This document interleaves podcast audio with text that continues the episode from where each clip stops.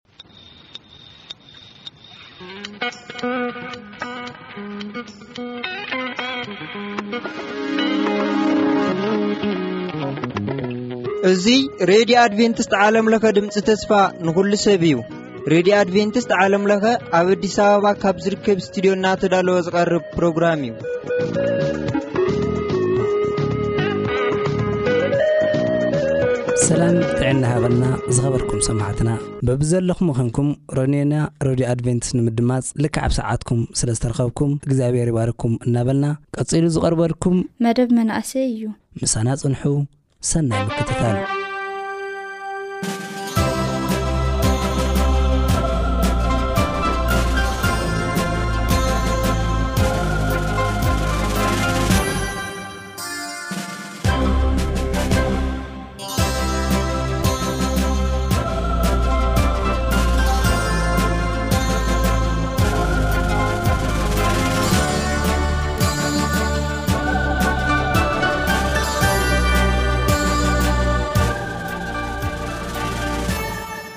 ሰላም ንዓኹም ይኹን ክቡራት ሰማዕትና እዚ ካብ መቐለ ሻብዐይቲ መዓልቲ ኣድቬንት ዝመ ተስፋ ንኹሉ ሰብ መደብ ራድዮ ኣድቬንትስ እዩ ኣብዚ ምይይጥ ድማ ምሳኹም ንጸንሕ ኣነ ፍስሃ ኣብርሃ ሓፍትና ንያ ቴድሮስ ሓውና ዮሴፍ ካሕሳይን ሓፍትና ህያብ ቴድሮስ ኢና እንኸውን እዚ መደብ ብጸሎት ክንኸፍቶ ኢና ንጸሊ ኣብ ሰማያት ነበር ኣቦና ስለ ኩሉ ነገር ብሰላም ኣኪብካና ኢካ እሞ ተመስገን ሜስኮስ ኣሜን። ሽምባይ ናይ ሎምዓንቲ ምይይጥና ዝከውን ኣብ ዙርያ መናእሰይ ዘተኮረ ምይይጥ እዩ ዝከውን ማለት እዩ ከም መበገሲ ብተለምዶ ንፈልጦ ሓሳብ ንዮ መናእሰይስ ብዓለምና ብእግዚኣብሔር ብጣዕሚ ተደላይና ዕድመ ክልል ይብሃልና እንታይ እዩ ተደላይነት ልግበሮ ኣብ መናእሰይ ኣብ ካሊእና ዕድመ ክልል ዘይንረክቦ ኣብ መናእሰይ ንረክቦስ እንታይ ዓይነት ፖቴንሻል ስለለሎ እዩ መናእሰይ ክንዲ ዝለኣክል ተደላይ ዝኾነ። እሺ ብመጀመርያ የቀንየለይ ሽመን ያትያ እታ ዞዝኒኦ ፕሮግራም ዝተረኪብና ንዞው ዝቀርበልና ሕቶታት መብራሪ ክንህብ ዕድል ስለልተሃውና ብጣዕሚ ኢና ነመስግን ቅድሚ ናብ ሕቶይ ምእታየይ ከም መእተዊ ኮይኑ ዘገልገለና ጥቅሲ ሓውና ጆሲ ከንብበልና እዩ። ወንጌል ማቴዎስ ምዕራፍ ሽዱሽተ ቁጽሪ ሰላሳን ሰለስተን እዩ ዝርከብ። ቕድሚ መንግስቲ ኣምላኽን ጽድቁን ድለዩ እዚ ኹሉ ድማ ይውሰኸልኹም ይብል። እሺ ሓውና ጆሲ ጎይታ ይባርካ እዚ ዝበሎ ቅድሚ ኩሉ ነገር ልና ናይ እግዚኣብሔር መንገዲ ምላሽ እዩ ክኾን ነይርዎ ስራሕና ሕቶይ ክምለስ ተለኹ ከምዚ ዝበሎ ሓውና ፊሽ ንምንታይ እዩ መንእሰይ ሓይሊ ብጣዕሚ ተደላይ ልኾን ብዓለማዊ ክኾን ይኽእል ብናይ እግዚኣብሔር መንግስቲ ለ ብጣዕሚ ተደላይ ልገብሮስ ታይ እዩ ኢሉ ንሕቶ ክምልስ ተለኹ መንእሰይ ልብል ቃል ንሪኦ ተለና ካብ መጀመሪኡ ኣብ ማእኸላይ ዕድመ ልርከብ ካብ ህጻናትለ ካብ ኣረጋውያንለ ኣብ ማእከላይ ዕድመ ልርከብ ከምኡ ውን ሓይሊ ልስመዖ ዓይነት ክልል ዕድመ እዩ ኣገናዚቡ ባዕሉ ክኸድ ልኽእል ኹሉ ነገር ኣብ ልዕሊኡ ኣብ እዚ መንእሰይ እዚ ልርከብ ስለ ልኾነ ብሰይጣን ክኾን ይኽእል ከምኡ ውን ብናእግዚኣብሄር መንግስቲ ብጣዕሚ ተደላይ ይገብሮ ብሰይጣን ተደላይ ክገብሮ ልኽእል ምኽንያት ሰይጣን ከም ንፈልጦ ስርሑ ኩሉ ናብ ክፉእ ነገር ልመርሕ ምስቲ ምዃኑ ጣት መንእሰይ ናብ ክፉእ ነገር ክኣተሎ ለለ ትውልዲ ሙሉእ ስለ ልበላሾ ከምኡ ዓይነት ድሌት እዩ ለለዎ ብናይ እግዚኣብሔር መንግስቲ ንኸተለና ለለ እግዚኣብሔር ልደልዮ ዓይነት ዕድመ ዘውዝንዮ ክልል ዕድመ እዚ እዩ ምክንያቱም ከምዚ ዓንሶና ገለፅ ዝኮነበርኩ ብጣዕሚ ባዕሉ ኣመዛዚኑ ክኸል ልኽእል ንካልኦት ከምህር ልኽእል ካብ ካልኦት ለለ ብቀሊሉ ዝኾነ ዓይነት ትምህርቲ ክወስድ ልኽእል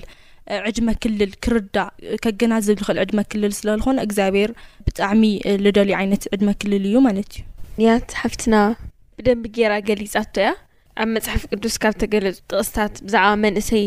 ልናገረና ኣብ ማቴዎስ ለሎ ሓደ እኳ እተኾነ እቲ ካልኣይ እንደገና ኣብ ትንቢት ኤዩኤል ለሎ ከምዚ ይብል ምዕራፍ ክልተ ቁጽሪ ዒስራን ሸሞንተን ብድሕሪ እዚ ክኸውን እዩ መንፈሰይ ናብ ልዕሊ ኩሉ ስጋ ክኽዑ እየ ኣወዳትኩምን ኣዋልድኩምን ክንብዩ ኣረጋውትኹም ሕልሚ ክሓልሙ ኣጓብዝኹም ከኣ ራእይ ክርእዩ እዮም ይብል። ኣብዚ ጥቕሲ እዚ ከም ዝገልጸልና ኣጋውዝኹምስ ራእይ ክርእዩ እዮም ኢሉ ይገልጾ። ራእይ ማለት ሕልሚ ጥራሕ ይኾኒ ወይ ትንቢት ጥራሕ ይኾኒ ሓሳብ ጥራሕ ይኾኒ ድርጊት ለልሓውስ እዩ። ንዚ ድርጊት እዚ ዝተመረጸ እንደገና ኣጓብዝቲ እዮም። እዚ ማለት ለለ መናእሰያት ማለት እዩ። መናእሰያት ሃምትንያት ለለቶ ኣብ ማእኸላይ ዕድመ ለርከቡ፣ ክሰርሕ ልክእል ዓቅሚ ለለዎ ዕድመ ለሎ ሰብ እዩ እና ኣውዚ ግዜ እዚ ለሎስ እግዚኣብሔር ስራይ ክርኢ እዩ ኢሉ ይገልጾ ስራሕ ክሰርሕ ልክኣለሉ ዕድመ እዩ ኢሉ መጽሕፍ ቅዱስና ይገልጾ እና ካሊእ ዕድመ መንእሰይነት ልግለጸሉ ካሊእ ሓዊ ክንምስሎ ንክእል ኢና ሓዊ ብጣዕሚ ፓወርፉል ካብ ንብሎም ኣርባዕተ ነገራት ሓደ እዩ ዝሓደ ማይ እዩ ዝሓደ ንፋስ እዩ ሓዊ እንደገና ካብኣቶም ማእኸል ይምደብ እና ሓዊ እዩ ክንብል ተለና ክሰርሕ ይኽእል እዩ ወይ ከዓ ከጥፍእለ ይኽእል እዩ ክልተ ነገራት እኒኦዎ ባህርያቱ ማለት እዩ ንሓዊ ሓደ ከገልግለሉ ዝኽእል ኣብ ጥቕኡ ለለዉ ሰባት ከሙቕ ይኽእል እዩ ሓዊ ክንሪኦ ከለና ባህሪኡ መጥፍኣይ ባህሪኡ እንብሎ እንደገና ከንድድ ይኽእል እዩ ንሰባት እና ዕድመ መንእሰይነት ብኣግባቡ ተተጠቒምናሉ ምስ እግዚኣብሔር ኮይና ተተጠቒምናሉ ንሰባት ከሙቕ ንዓልና ብቻ ልይኾነስ ንእግዚኣብሔር ጥራሕ ልይኾነ ወይ ንባዕልና ጥራሕ ልይኾነ ንኻልኦት ኣብ ጥቓና ለለዉ ሰባት ከገልግል ይኽእል እዩ እዚ ዕድመ እዚ ኣብዚ ግዜ እዚ ንሰርሖ ስራሕቲ ማለት እዩ እንድሕር ብኣግባቡ ለይተጠቂምናሉ ሕማቓት ነገራት እንድሕር ሓዊስናሉ ካብ ቤት ወጺእና እንድሕር ኸይድና ግና እዚ ሓዊ እዚ ወይ እዚ ዕድመ እዚ ንኻልኦት ንዓና ጥራሕ ለይኮነ ክጎድእ ልኽእል ንኻልኦት ሰባት ለክጎድእ ይኽእል እዩ ልል ሓሳብ ነይንባኒ። ኽልቲኤን ኣሕዋተይ ሃም ልገለጸኦ ደስ ልብል ሓሳባት ኣቅሪበን እየን ብሓዊ ሃምኡ ውን ካብ እግዚኣብሄር ቃል ለንበብናዮ ቃላት ውን ነይሩ ንወጣት ክገልጽ ልኽእል ብዙሕ ነገር እንዮ ሓደ ክነስተውዕሎ ልደሊ ነገር ግን እንዮ ሓደ መምህርና እንታይ ይብለና ነይሩ መሲልኩም? ኣብ ወጣትነት ኸዚ ንኣብነት ቆልዑ ንኾን ተለና ማለት እዩ ወይ እዚ ቲኔጀር ልባሃል ዕድመ ናሃለና እዩ ዘዝንዮ ነገር ንመኽረና ኣሎ እሞ ገና እዩ ትዓብዩ ተለኹምስ ካዓ ቲኔጀር ትወፁ እዚ ዕድመ እዚ ክቕፅል እዩ ይብለና ነይሩ በቃ ኹሉ ነገር ግበር ግበር ልብለካ በቃ እስኻ ብቻ ኢኻ ፓወርፉል ዝብለካ ዓይነት ዕድመ እዩ። ስለዚ ብዘውንዮ ስምዒት ክትንቀሳቐስ ተለኻ ክትጓዓዝ ተለኻ እቲ መጨረሻ ለሎ ህይወትኻ እቲ ልቕጽል ህይወትኻ እንታይ እዩ ይብለና ነይሩ በቃ ልተባላሸየ ህይወት እዩ ልኾን። ልመርሐካ ነገር ንድሕሪ ተመሪሕኻ ጌርኻዮ ኹንካ ልመጽእሉ ዕድመ ብኽፉእ ነገር ኢኻ ክተሕልፎ። እዚ ትኽክል እዩ ብልተፈላለዩ ነገራት ክንሪኦ ንኽእል ኢና። ሓደ እታ እዩ ብቖልዑና ከዚ ንኣብነት ሓደ ሓደ ሰብ ክዓቢ ተሎ ሕማቕ ባህሪ ክንርኢ ተለናስ ዋይ እዚሲ ዓብዩ ድዩ ወይ ለዚኤንሲ ዓባይ ድየን ልሕሽያ ልሰርቕ ምናምን ንብል። ግን የኾነ እዩ ክነስተውዕሎ ልግበእና ነገር ዕድመና ክነዓቢ ተለና ዕድመ ልቕይር ኾይኑ የኾነ ናፈለጥና ክንኸድ ንኽእል ኢና ብዙሕ ነገር ክንፈልጥ ንኽእል ኢና እቲ ኣብ ዕድመ ንእስነትና ኣእምሮና ልመላእናዮ ነገር ግን ኣይጠፍኢ ዓቢና ለ ምሳና እዩ ክቕጽል ዋላ ብዙሕ ነገር ንፍለጥ እዚ ኣብ ዕድመ ንእስነት ተደጋጋሚ ንገብሮ ነገር ንበረ ዜሩ ዜሩ መኣዘ እውን ከቸግረና እዩ ምስ ዓበና እውን ከቸግረና እዩ። ንዚ ውን እዩ ወጣታት ብጣዕሚ ልድለዩ ምክንያቱም ኣብ ወጣት ይስራሕ ኩልሻዕ ሓድሽ ሓሳባት ተሃልዩ ወይ ሓድሽ ነገራት ተሃልዩ ኩልሻዕ ኣብ ወጣት እዩ ልሙከር ምክንያቱም ኣብ ወጣት ተሞኪርካዮ ግን እሱ እስካዕ ልዓቢ ለሎ ግዜ እኒኦ ኣብ ደቁ ልሕድሮ ተጽዕኖ እኒኦ ሃምና ለይ ልቅጽል ተረዲኩም ብጣዕሚ ነዊሕ ግዜ እዩ ስለዚ ወጣት ብ እግዚኣብሄርን ብዓለም ንድለዩሉ ምክንያት ሓደ ኢለ ልሓስቦ እዚ እዩ የቀንየለይ። ጎይታ ኣብዚሑ ይባርክኩም። ከም ድላታ ለልጸንሐ። ምርጫና ብሓቂ ርእስና ገቲእና ክንመርጽ ጎይታ ይሓግዘና። ሓደ ኣብዚ ክንርስዖ ለይብልና ነገር ኣብ ሓደ ዓውዪ ቅልስ ተሳተፍቲ ኢናና ኣብ መንጎ ጽቡቕና ኣብ መንጎ ሕማቕ ኣብ መንጎ ክርስቶስና ኣብ መንጎ ጸረ ክርስቶስ ናይዚ ውግእ ተሳተፍቲ ኢና። እዚ ማለትስ ክልተ ልተፈላለዩ ኣካላት እኔዉ ሓደ ንሰናይ ይደልየና እቲ ሓደ ንሕማቕ ይደልየና። ክርስቶስ ሰናይና ይደሊ ሰይጣን ድማ ጥፍኣትና ይደሊ ማለት ስፔሻሊ ልዚ እዩ መንእሰይ ተኮር ገይሩ ሰይጣን ልሰርሕ እና ላውዝና ቀጻሊ ንማየጠሉ ሓሳብ ድማ ሙዚ ልተትሓዘ እዩ ሰይጣን ብብዙሕ ነገራት ክኣስረና ይደሊ ብብዙሕ ወልፍታት ክንእሰር ይደሊ እና ስፔሻሊ ሃም ዳዓንቶላ ትገለጸ ልጸንሐ ኣብ ግዜ ንእስነትና ልተኣሰረ ነገርስ ሙሉእ ዘመንና ምሳና ክጸንሕ ይክእል እዩ እንድሕር ብደንቢ ትሪት ለይገበርናዮ እና ኣብ ግዜ ንእስነትና ካብ ልኣሱርና ነገራት ሓደስ ካብዞም ወልፍታት ሓደ ቃዝኖት ወይ ብእንግሊዘኛ Patient ተባሂሉ ዝጽዋዕ ማለት እዩ። ብጣዕሚ መንእሰይ ለጥቅዕ ወልፊ እና ኣብዙይ ከ ታይ ሓሳብ ትህቡ ትኽእሉ? ከምዚ ልተባህለ ልበዝሐ መንእሰይና ብቃዝኖት ወይ ለለ Depression ወይ ለ መብዛሕትኡ ሰብ ብልፈልጦ ቋንቋ ለለ ድብርት ላተባህለ ልፍለጥ ብዙሕ ላተጠቅዐ ይርከብ። ብፍላይ ለለ ኣብዙ ዝለለናዮ ዘመን ካብ ምንታይ መጺኡ ኢልና ንኸተለና መጀመሪኡ ክመጽእ ልኽእል ባዕሉ ዝናዝሰብ ኣተሓሳስባ ክኾን ይኽእል እዩ ዝችግር መምጽኢ ማለት። ካብ ማንም ሰብ ብታሕቲ ገይሩ ንባዕሉ ክሓስብ ይኽእል ሰብ ኣብዚ ዝልሓሰሉ እዋን ለል ጭንቀት ክስምዖ ይኽእል ሃመይ ጌርና ነስተኻኽሎ ወይ ለል ካብዚ ድብርቲ እሱ ሃመይ ኢሉ ሓደ ሰብ ክወጽእ ይኽእል ልብል ነገር ንርኢ ተለና ግን መጀመሪኡ ብሃምዚ ነገራት እዩ ናብ ሱስ ነገር ልኣቲ ኣሎና እዚ መንእሰይ ቐንዲ መፍትሑኡ ልድብርቲ ክኾን ይኽእል እዩ ለልሓሱ ኣነ መጀመሪኡ ናብ እግዚኣብሔር ብምጽላይ ክኾን ይኽእል ክሕግዘካ ካብዚ ነገር እሱ ከውጸካ ካብዚ ለጨንቐካ ኣሎ መንፈስ ወይ ኩሉ ልተቓንዐ ክኸውነልኻስ ብናይ መንገዲ ትጓዓዝ ተለኻ ሓደ ካብ ድብርቲ መውጽእ ክኾን ይኽእል እዩ። ብዛዕባ ቃዝኖ ሉብ ትግርኛ ቃሉ ብጣዕሚ እዩ ደስ ልብል ሓድሽ ቃል እዩ ንዓይ ውን ኣይፈልጦን ነይረ ዲፕሬሽን ወይ ድብርቲ ኢለ ልሕዞ ነይረ። ቃዝኖት ካበይ መጽዩ ታይ እዩ ትርጉሙ ንብል ተለና ቀጥታ ልመጽእ ነገር ታይ እዩ ሰብ ሓጎስ ክስእ እንተሎ እዩ ናብ ምንታይ ልኣቲ ናብ ዲፕሬሽን ወይ ናብ ቃዝኖት ልኣቲ ማለት እዩ በቃ ሓጎስ ካብ ምንታይ ክፍለ ተሎ እቲ ትኽክለኛ ሓጎስ ንብሎ ናይና ንነበረ ሓጎስ ካባና ክፍለየና ተሎ እዩ ታይ ልኾን ቃዝኖት ንኣቲ ማለት እዩ ስለዚ ኣብ ፊሊጲስ ኣርባዕተ ኣርባዕተ ታይ ኢሉ እል ብጎይታ ኩሉ ሻዕ ተሓጎሱ ስለዚ ቃዝኖት ልመጽእ ታይ ማለት እዩ ካብ ጎይታ ክንርሕቅ ተለና እዩ እቲ ባዕሉ ኣምላኽ ምዃኑ ብቻ ተለይኾነስ ልፈጠሮም ፍጥረታት እኔእው ሪል ልኾኑ ነገራት ማለት ትኽክለኛ ፍጥረታት ልኾኑ ነገራት ካብኣቶም ክንርሕቅ ተለና ናይ ሓሶት ልኾነ ሓጎስ ናብ ምእላሽ ክንኸድ ተለና እዩ ታይ ልመጽእ ናብ ቃዝኖት ልበሃል ንኣቲ ኢለ ይልሓስ። ኻዚ ንኣብነት ተውዒልና ተኾይንና ወይ ናብ ባሕሪ ትኸድ ተለኻ ወይ ለለ ናብ ልኾነ ነፋሻማ ቦታ በቃ ስኢሉ ጫካ ነገር ቦታ ትኸድ ተለኻ ዋላ ብጣዕሚ ተናዲድኻ ወይ ሓዚንኻ በቃ ልኾነ ሓጎስ ይስመዐካ ውሽጥኻ ልኾነ በቃ ደስታ እኒኦ ውሽጥኻ ዝስመዐካ ፊሊንግ እኒኦ ምን እኮ ተናዲድኻ ሓሪቅኻ ኣውፂእኻስ በቃ እዚ ንፋስ እዚ ኣየሩስ የሐጉሰካ ምኽንያቱም እንታይ ኾይኑ ለሐጉሰካ ሪል ልኾነ ነገር ወይ ለለ ትክክለኛ ልኾነ ዕርኽትኻ ማለት እዩ። ወይ ቤተሰብካ ተግንተ ከኣ ደስ ይብለካ ልኾነ በቃ ሓጎስ ይስመዐካ ስለዚ ቃዝኖት ሓደ ምክንያት ታይ እዩ በቃ ፌክ ልኾኑ ነገራት ኸዚ ለለዉ በተለይ ኣብ ዓለም ኢንተርተይመንት ልበሃሉ ነገራት ኹሎም ፌክ እዩ ብጣዕሚ ፌክ ልኾነ ነገር ኸዚ በዙሕ እዩ እኒኦ ካብዚ ሪል ነገር ፌክ እዩ በቃ ልበዝሕ ሶሻል ሚድያ ፌክ ልኾነ ሓጎስ ይልህብ ፌክ ልኾነ ሰሓቅ ይህበካ ምስ ኣዕርኽታ ንዑ ዓሉ ትገብሮም ነገራት ኸዚ ንኣብነት ምምሻይ ምስታይ ኸዚ ፌክ ልኾነ ነገር እዩ። ካብዚ ሓጎስ ፍልይ ክብለካ ተሎ ምኽንያቱ እቲ ሪል ልኾነ ሓጎስ ሓደ ሻዕ ረሲዕኻዮ ኢኻ ናበይ ኢኻ ኣዘንቢልካ እኒኻ ናብቲ ፌክ ልኾነ ካብኡ ሓደ መዓልቲ ክጠፍእ ተሎ ናበይ ትኣቲ ኣለኻ ማለት እዩ ናብቲ ዲፕሬሽን ትኣቲ ኣለኻ ማለት እዩ ብዙሕ ግዜ ወጣታት ነጥቅዖም በቃ ፌክ ልኾነ ነገር ስለ ልእልሽ ኹሉ ሻዕ መብዛሕቲኡ ሰብ ዓለምና ትስሕበና ማለት እዩ ካብቲ ሪል ልኾነ ጎይታና ካብቲ ትኽክለኛ ልኾነ ኣምላኽናስ ናምንታይ ይስሕበና ናብቲ ፌክ ልኾነ ነገር ይስሕበና ማለት እዩ ይገርም ካብ ሪል ልኾነ ነገር ፌክ ሰብ ክመርጽ ተሎ ሓደ ሓደ ሻዕ ጎይታ ካባና ክፍለ ተሎ እዩ ምስትውዓል ለይክበና ተሎ እዩ እሞ ወጣታት እግዚኣብሔር ምስትውዓሊ ጥበብ ይክበና ብጣዕሚ ክንጽልየሉ ልግበእና ዕድመ እዩ ልኾነ ና ጥዕና መምህር እዩ ናምህረ ናሃለየ ኸዚ ፌክ ልኾነ ደስታ ለለዎ ሰብስ ሃመይ ጌርና ክንፈልጦ ልኸእል ዓይነት ሓሳብ እዩ ተላዒሉ ካብኡ ቀጥታ ታይ የምጽእልና ናቴሌቭዥን ጉድኣት እዩ ናቲ ቪኦኤ ንባዕሉ ሶሻል ሚድያ ንባዕሉ እንታይ ዓይነት ኢፌክት እኒኦዎ ልብል ሓደ ኤክስፐርመንት ክነግረኩም ኢሉ ነጊርና እሞ ሰብ ኣየንጭዋይ ኣእምሮኦም ለመሳስል ፓርትታት ስለለለዎም መብዛሕቲኡ ማለት እዩ ኣብ ኣንጭዋ ኤክስፐርመንት እናተሰርሐ ኢልና ካብኡ ኣንጭዋ ኣብ ልኾነ ፃዕዳ ቦታ እዮም ኣእትዮምዋ ካብኡ ቲቪ እኒኦ ፀሊማ እያ ነይራ ምንም ኖርማል ስርሓ ትሰርሕ ነይራ ወይ ልሃዋ ነገር እናበልዐት ነይራ ወይ ከፍ ኢላ ነይራ ምንም ናገረት ኣይነበረትን ካብኡ ቲቪ ምስ ተወለዐ ግን ምስ ርእየቶ ታይ ኮይና በቃ ባዕላ ክትቆጻጸር ኣይካለት እያ ሓደ ሻዕ ናብቲ ትጎይ ሓደ ሻዕ ናብቲ ትጎይ በቃ ተኣትዮ ጠፊእዋ ንላዕሊ ትኸድ ትወርድ ምን በቃ ክትዓርፍ ኣይካለት ካብኡ ሃምዚ ኢሉ ኣቋሪጹ ታይ ኢልና ሰብለ ሃምዚ በቃ ተመሳሳሊ ኣእምሮና ሃምዚ ዓይነት ፌክ ልኾኑ ሓጎሳት ክነግኒ ተለና ታይ ልገብር ፍሮንት ብሬን ወይ ና ና ቅድሚት ኣእምሮና ንሎ ታይ ይግበር ይዕጸ ፍሮንት ብሬን ለ ታይ ልሕግዘና ክንሓስብ እዩ ልገብረና እቲ ትኽክለኛ ነገር ክንሓስብ እዩ ልገብረና ካብኡ መሕሰቢና ዳርጋ ልተዓጽየ ማለት እዩ። ካብኡ ብናድሕሪት ኣእምሮና ምሕሳብ ንጅምር ኢሉ። ብናድሕሪት ኣእምሮና ለለ ንሓስበሉ ዓይነት ኣእምሮ የኾነ እዩ። ማለት ትኽክለኛ ውሳነታት ንውስኸነሉ ዓይነት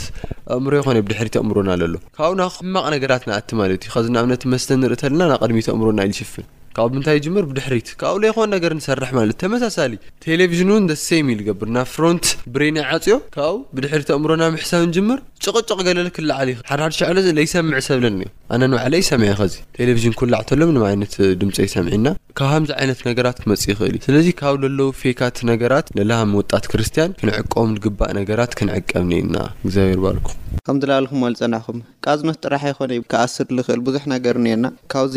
ሕማቅ ልማዳት ድማ ነብስና ክንሕልው ናይትና ሓላፍነት እዩ ልኾና እዚ ክንገብር ጎይታ ጥበብ መስተውዓሊ የብዝሓልና ንስጋና ምስዓር ኸቢድ ነገር ክኾን ይኽእል እዩ ግን ለይከኣል ነገር የለይ ፔሻሊ ምስ ጎይታ ንኾን ተለናና ክንኽእል ንእስነትና ድማ ክንሕልዋ መቅደስ ኣምላኽ ምዃንና ከይንርስዕ ብሓቂ ጎይታ ኸምዝልደልየና ምንባር ክንኽእል ጎይታ ይሓግዘና ኣብ ቀዳማይ ጢሞቴዎስ ኣርባዕተ ፍቕዲ ሸውዓተ ሲ ግናኸ ነገር ቅለትን ንዕላል ኣንስትን ካባኻ ኣርሕቆ ምስ በለ፣ ንርእስኻ ግና ኣምልኾ ኣልምዳ ይብለና። ግዜ ንእስነትና ብኽብሪ ምስጋና ዝግብኦ ኣምልኾ ዝግብኦ እናምለኽና ምንባር ክንክእል ካብ ዝብሉ ፍታትለ ሓደ ከናግፈና ዝኽእል ነገር ኣምልኾ ኢልና ንነፍስና ብሓቂ ኣምልኾ ክነልምድ ጎይታ ይሓግዘና። ናብ መጨረሻ ነልዕሎ ሓሳብ ኣብ መጽሓፍ ቅዱስና ብዙሓት መናእሰይ ንረክብ። ስፔሻል ንዓና ኣብ ንእስነት ግዜ ለለና ኣብነታት ክኾኑና ንኽእሉ ሞዴላት ክኾኑና ንኽእሉ ብዙሓት መንእሰያት ንረክብ እና ጽቡቕ ዝገበሩ እኔዉ ሕማቕ ዝገበሩ ኸምቲ ጎይታ ልደልዮም ልተኣዘዙ እኔዉ ለይተኣዘዙ ብዙሓት እኔዉ ካብኣቶም ዳንኤልና ኣዕርኽቱ ምጥቃስ ይከኣል ጽቡቕ ካብ ልገበሩ ማለት እዩ ካብ ናዳንኤልና ኣዕርኽቱ ታሪኽ ሲ ታይ ንመሃር ስፔሻል እሶም መብዛሕቲኡ ታሪኽ ኣብ ግዜ ንእስነቶም ዝተፈጸመ እዩ እና ካብኣቶም ታይ ክንመሃር ንኽእል ነዚ ናይ ንእስነት ግዜና ስንቂ ክኾነና ንኽእል ንዳንኤልና ኣዕርኽቱ ጎይታ ሓጊዝዎምስ ታይ ታይ ስራሕ ሰሪሖም ነይሮም። ብጣዕሚ ደስ በሃሊ ሓሳብ እዩ ማለት መጀመርያ ለልዐልናዮ ሓሳብ ብዛዕባ መንኣሰያት ኢልና ነይርና እና ምስኡ ልኸድ ሓሳብ እዩ ናይ ዳንኤል ሂወት ንሪኦ ተለና ዕድመ መንእሰይነት ከምተገለፀ መዓልቲ መዓልቲ ምርጫ ለድልዮ ሂወት እዩ መዓልቲ መዓልትስ ግዴታ ክትመርፅ እኒኤካ ኣይደልይ ትብሎ ዓይነት ሂወት ይኮንይ ወይ ሂወት ወይ ሞት ክትመርፅ ኢካ ወይ ኣምላክ ወይ ከዓ ሰይጣን ክትመርፀሉ ትግደደሉ ዕድመ እዩ መንጎኛ ልበሃል ነገር ኣይሰርሕይ እና ዳንኤል ኣብ ህይወቱ ካብ ልቐርብሉ ምርጫታት መብዛሕቲኦም ምርጫታት ክንሪኦም ከለና እቲ ትኽክለኛ ምርጫ እዩ መሪጹ። ኣብቲ ዘመን እሱ ንዝነበሩ ሰባት ዘይረብሕ ወይ ኸኣ ዕሽነት ይመስል ግና እቲ ምርጫ እሱ ንእግዚኣብሔር ልመረጸሉ ምርጫታት እዮም ነይሩ። ካብ መጀመርያ ኣትሒዝና ክንሪኦ ከለና ብባርነት ካብ ተወሰደሉ ካብ ባቢሎን ዓዲ ጀሚሩ ኣብ ናይ እስርቤት ጊዜኡ ክኾን ይኽእል ኣብ ስልጣን ኣብ ዝሓዘሉ ጊዜ እኳ ኣብ ልኸደሉ መንገዲ ኩሉ ንእግዚኣብሔር የቐድም ነይሩ ዳንኤል። መጀመርያ ልቐረበሉ ፈተና ብዛዕባ ምግቢ ነይሩ። ሓደ እቲ ናይ ንጉሳዊ ዝኾነ ምግቢ ቀሪብሉ፣ እቲ ካልኣይ እንደገና ምርጭኡ ነበረ፣ ወይ ጥሜት ወይ ኸዓ ዘይረብሕ ምግቢ ኢልና ንሓስቦ ንሕና፣ ዓይነት ምርጫ ቀሪብሉ። ዳንኤል እዚ ነገር ልርኣዮ ብጥቕሙ ኣንፃር ኢኾ ነይርዎ፣ ብቲ ሓቂ ዝኾነ መንገዲ ኣንፃር እዩ ሪእዎ እና እዚ ነገር እዚ ብምንታይ እዩ ተቢልዎ? እቲ ዘይረብሕ ምርጫ ዝመስል መሪፁ ግን ድማ ንእግዚኣብሔር ዘኽበረሉ ምርጫ ነይሩ። ኣብቲ ካልኣይ ግዜ እንደገና እንታይ ገጢምዎ? ጸሎት ኣይትፅልይ ተባሂሉ ግን ዝነገር እሱ ተኸቲሉ ክቕጽል ይኽእል እዩ። ታይ ምጋር መሪጹ? ዝስልጣን እሱ ስኢኑስ ንእግዚኣብሔር ምርካብ። ናና ዳንኤል ሕይወት ኹሉ ጊዜ ኣብ ምርጽኡ ንእግዚኣብሔር ይመርጽ ነይሩ፣ ንእግዚኣብሔር የቐድም ነይሩ። ስለዚ ወጣትነትና እዚ ዕድመ እዚ ክነሕልፎ እንኽእል ንእግዚኣብሔር ብምምራጽ፣ ጠቓሚ ኾይኑ ክሓልፍ ልኽእልስ ንእግዚኣብሔር ተመሪጽና ጥራሕ እዩ። እቲ መንገዲ ሓቂ ተመሪጽና ጥራሕ። ግን ብደንቢ ክሪኦ ልደሊ ምርጫ ልብል ነገር እዩ። ብዙሕ ግዜ ምርጫ ክንብል ተለና በይንና ብቻ ንመርጾ ዓይነት ምርጫ ኣይኮነ ብዝለለናዮ ግዜ ንባዕሉ ንርኢ ተለና ሰብ ሓደ ዓይነት ምርጫ ዝመርጸሉ ግዜ እዩ እኒኦ ሓደ ዓይነት ኣከዳድና ክኽደነሉ ብፋሽን ደረጃ ተርኢና በመጋግባ ደረጃ ተርኢና ብልግበሩ ነገራት ኩሉ ሓደ ዓይነት ዝኾነሉ ግዜ እዩ ዝመጽእ ኣሎ ኸዚ ንኣብነት ሓደ ዝኾነሉ ነገር ሱስ እዩ በተለይ መቐለ ማለት እዮ ለለናዮ ሱስ በቃ ሓደ ዓይነት እዩ በቃ ወጣት ኾንካ ሱስ ማለት ኣብ ሓሽሽ ወይ ገለ እንድሕለይ ትጥቀም ኾንካ በቃ ፋራ ኢኻ ምንም የብልኻይ ማለት እዩ ምንም በቃ እሱ ኢልኻ ግዜኻስ ብከንቱ ተሕልፍ ለኻ እዩ ታይ የብልኻ ኣይ ጥቀሚ እኮ ተይልኻ ኸዚ ለይረኣኻዮስ መኣዘ ትረኦኢኻ እዚ ግዜ እዚ እኮ ኣይተግንዮይ ልብል ዓይነት ንግግር እኒኦ ካብኡ ኣጋጣሚ ሓደ ቆልዓ ነይሩ ናነገረኒ ታይ ኢሉ መሊሱሉ ሓደ ዓርኩ ሃምስ እስካዕ ኸዚ ኣይትሰቲ እስካዕ ኸዚ ሓሽሽ ኣይትጠቐምኻይ ምናምን ናበለ ይጥይቖሞ በቃ ገሪምዎ ክምልሰሉ ኣይደለየ ኻሊእ መልሲ ኣይ ሕማቅ እዩኮ ሃምዚ ይገብር እዩኮ ገለ ክብሎ ይደለየ ታይ ኢልዎ ዋይ ክልተ ምርጫ እኮ እዩ እኒኦ ኢልዎ ምርጫስ ነንባዕልና ምርጫ እዩ እኒኤና ኹሉ ሰብ ብልመረፆ ኣነ ብኡ ክኸድ ይደሊ ምኽንያቱም ዝኹሉ ሰብ መሪፅዎ እኒኦ ኸዚ ትኽክል ኾይኑ ስለ ለይተረእየኒ ብኡ ክኸድ የደለኹይ ብናዕለይ ምርጫ እየ ክንቀሳቀስ ልደሊ እቲ ትኽክል እየ ልሓስቦ እቲ ንዓየ ልጠቅመኒ ነገር እቲ መንገዲ እሱ ስለ ለይኾነ እቲ ናሐሽ መንገዲ እቲ ናኸዚ ወጣት ለለዎ መንገዲ ተለይኾነስ እቲ ካሊእ መንገዲ እዩ ስለ ናግዚኣብሔር መንገዲ እዩ ልጠቅመኒ ኢሉ መሊሱሉ ምንም የበሎይ ምንም ልተቀየረ ነገር የለይ ዋይ ግን ኸዚ እማ ትሪኦኒ እካ ምናምን ምናምን ልል ዓይነት ሓሳት ቐጺሉ ካሊእ ወረታት ለቀጺሉ ስለዚ ሻዒቱ እውን ንዳኒኤል ካብ ዓዶም ሃምባሩት ክመጹ ተለው ትምህርቲ እውን ክመሃሩ ተለው ምርጫ እዩ ቀሪብሎም በቃ ኹሉ ሰብ ልገብሮ ምርጫ እንዮ ተለይ ኾይኑ ታይ እዮም ጠፋእቲ መወትቲ እዮም። ታይ እዮም መሪፆም ሞት እዮም መሪፆም በቃ ኣይንደሊ ትሞትሉ ኢኹም ትጠፍእሉ ኢኹም ተሃሉ መንገዲ እዮም መሪፆም ምክንያቱም እዚ ትጠፍእሉ ኢኹም ተሃልዎ መንገዲ ታይ እዩ ናይ እግዚኣብሔር መንገዲ እዩ ነይሩ እቲ ከድሕኖም ልኽእል መንገዲ እዩ ሰብ ግን ኣይተረድኦ እዩ ነይሩ ታይ እዩ ሰብ ልሓስብ ነይሩ እቲ ኩሉ ለለዎ መንገዲ ታይ እዩ ምድሐን መንገዲ እዩ እቲ ብዙሕ ሰብ ለለዎ መንገዲ ብምግቢ በልና ብፀሎት ደረጃ ብልገብርዎ ነገር ኹሉ ብታ ናይ እግዚኣብሔር ብታ ሓቂ መንገዲ ብታ ብዙሓት ሰባት ለይኸዱላ መንገዲ ብታ ትኽክለኛ ምርጫ እዮም ልጓዓዙ ነይሮም ብዙሕ ና መጽሓፍ ቅዱስ ሰባት ንርኢ ተለና ሃም ን ዮሴፍ ማለት እዩ ወሲኹ ብቲ ምርጫ እሱ እዮም ልጓዓዙ ነይሮም ግን ከንቶ ቀርዮም ድዮም ከንቶ ኣይኮኑ ይቀርዮም እግዚኣብሔር ሓጊዝዎም እዩ ተስፋ እውን ነይዎም እዩ እግዚኣብሔር ተመስገነ ይኹን ንሕና እውን ሃም ወጣት ካብኣቶም ክንመሃሮም ልግበአና ታይ እዩ ኻዚ ንሪኦ ነገር ባይ ምንም ተስፋ ለይብሉ ክርስትናስ እዩ ልመስለና ግን ተስፋ ዓብይ ተስፋ እኒኤና ዝረእ ነገር ደስ ልል ይመስል ግን ህይወት የብሉይ ፌክ ታይ ጠፋኢ እዩ ክጠፍእ ተሎ ንዕና ሒዝና ልጠፍእ እዩ ስለዚ ካብ ንዳኒኤል ካብ መጽሓፍ ቅዱስ ንመሃሮም ብዙሓት ነገራት እንኦ ብኦም ድማ ክነስተውዕል ይግበእና ምክንያቱም እግዚኣብሔር ብዙሕ ነገር ኣብ ቃሉ ኣቕሚጥልና ስለልኾነ ክንመሃረሉ ምእንትን ማለት እዩ እግዚኣብሔር ባርኩ ከም ዝበልዎ ንእሽተይ ክስኸሎም ኣነ እሞ ኣብ ናይ ዳንኤል ታሪክ ንርኢ ተለና ሲ ወጣት መንእሰያት እዮም ነይሮም እና ኣብዚ መንእሰይ ዕድሚኦም ዝስ እግዚኣብሔር መንገዲ ሳላ ዝተኸተሉ ማለት ብናይ መንገዲ ብናይ እምነት ኣሚኖም ስለ ዝተጓዓዙ እዮም ናብ ጽቡቅ ነገር ኣትዮም እሞ ንሕና መናእሰያት ኩለና ለንገብሮ ልግበአናስ ናብ ናይ እግዚኣብሔር መንገዲ ተኸቲልና ብናይ ልኾነ መጽሓፍ ቅዱሳዊ ቃል ክኾን ይኽእል ብናዩ ተመሪሕና ናብ ጽቡቅ ነገር ክመርሐና ስለ ልኽእል ኩለና መንእሰያት ኣብዚ ሎሚ እዋን በተለይ ልበዝሐ ናብ ካሊእ ዓላማ እዩ ልኣቲ እሎሞ ኩለና ናብ ጽቡቅ ነገር ንክንኣቲ ተኾይንና ናይ እግዚኣብሔር መንገዲ ሒዝና ክንጓዓዝ ጎይታ ጥበብን ምስትውዓል ይክፈና ብምጽላይ ክኾን ይኽእል። ብዛዕባ ንእስነት ብዙሕ ምባል ይከኣል ኢና። መንእሰይ ከበላሽው ልኽእሉ ብዙሓት ነገራት እኔዉ። ልዕሊ ዓቕምና ክኾኑና ዝኽእሉ ብዙሓት ልማዳት እኔዉና። ግን ልዕሊ ኩሉ ልኾነ ኣብ እግዚኣብሔር ኣምላኽ ኣብ ጎንና ስለ ዘሎ ኩሉ ክንስዕሮ ስለ እንኽእል ጎይታ ልተመስገነ ይኹን። ምስቲ ግዜና ኣንጻር ኣውዚ ፕሮግራምና ክንዛዝም ኢና። ኣውዚ ሓሳብኹም ብምሃብ ክትሳተፉ ዝጸናሕኹም ጎይታ ይባርክኩም። ሰማዕትና ድማ ጎይታ ኣብዚሐ ይባርክኩም። ጸሎት ጌርና ፕሮግራምና ክንውድእ ኢና። ብሓቂ ንእስነትና ጎይታ ክነግዘእ ጎይታ ጥበብ ምስተውዓል ይሃበና ምስ ሓውና የሴፍ ጸሎት ጌርና ክንውድእ ኢና። ኣብ ሰማይ ኸይድካ ንትነብር ኣምላኽ ስለ ዞዝኒኤ ሰዓትን ስለ ዞዝኒኤ ግዜ ነዚና ኢና ነመስግነካ ኣብ ዞዝኒኤ ግዜ ምሳና ስለ ነበርካ ተምህረና ውን ስለ ዝጸናሕኻ ጎይታየ ተመስገን ጎይታየ ካብ ልተፈላለየ ሓሳባት ናብ ሓደ ነጥቢ መጺእና ውን ጎይታየ ንኻልኦት ውን ክነምህር ክንኽእል ንስና ውጣትነት ዘመንና ድማ ጎይታየ ብትኽክል ክንንቀሳቐስ ክንኽእል ብታ ናይኻ ልኾነት መንገዲ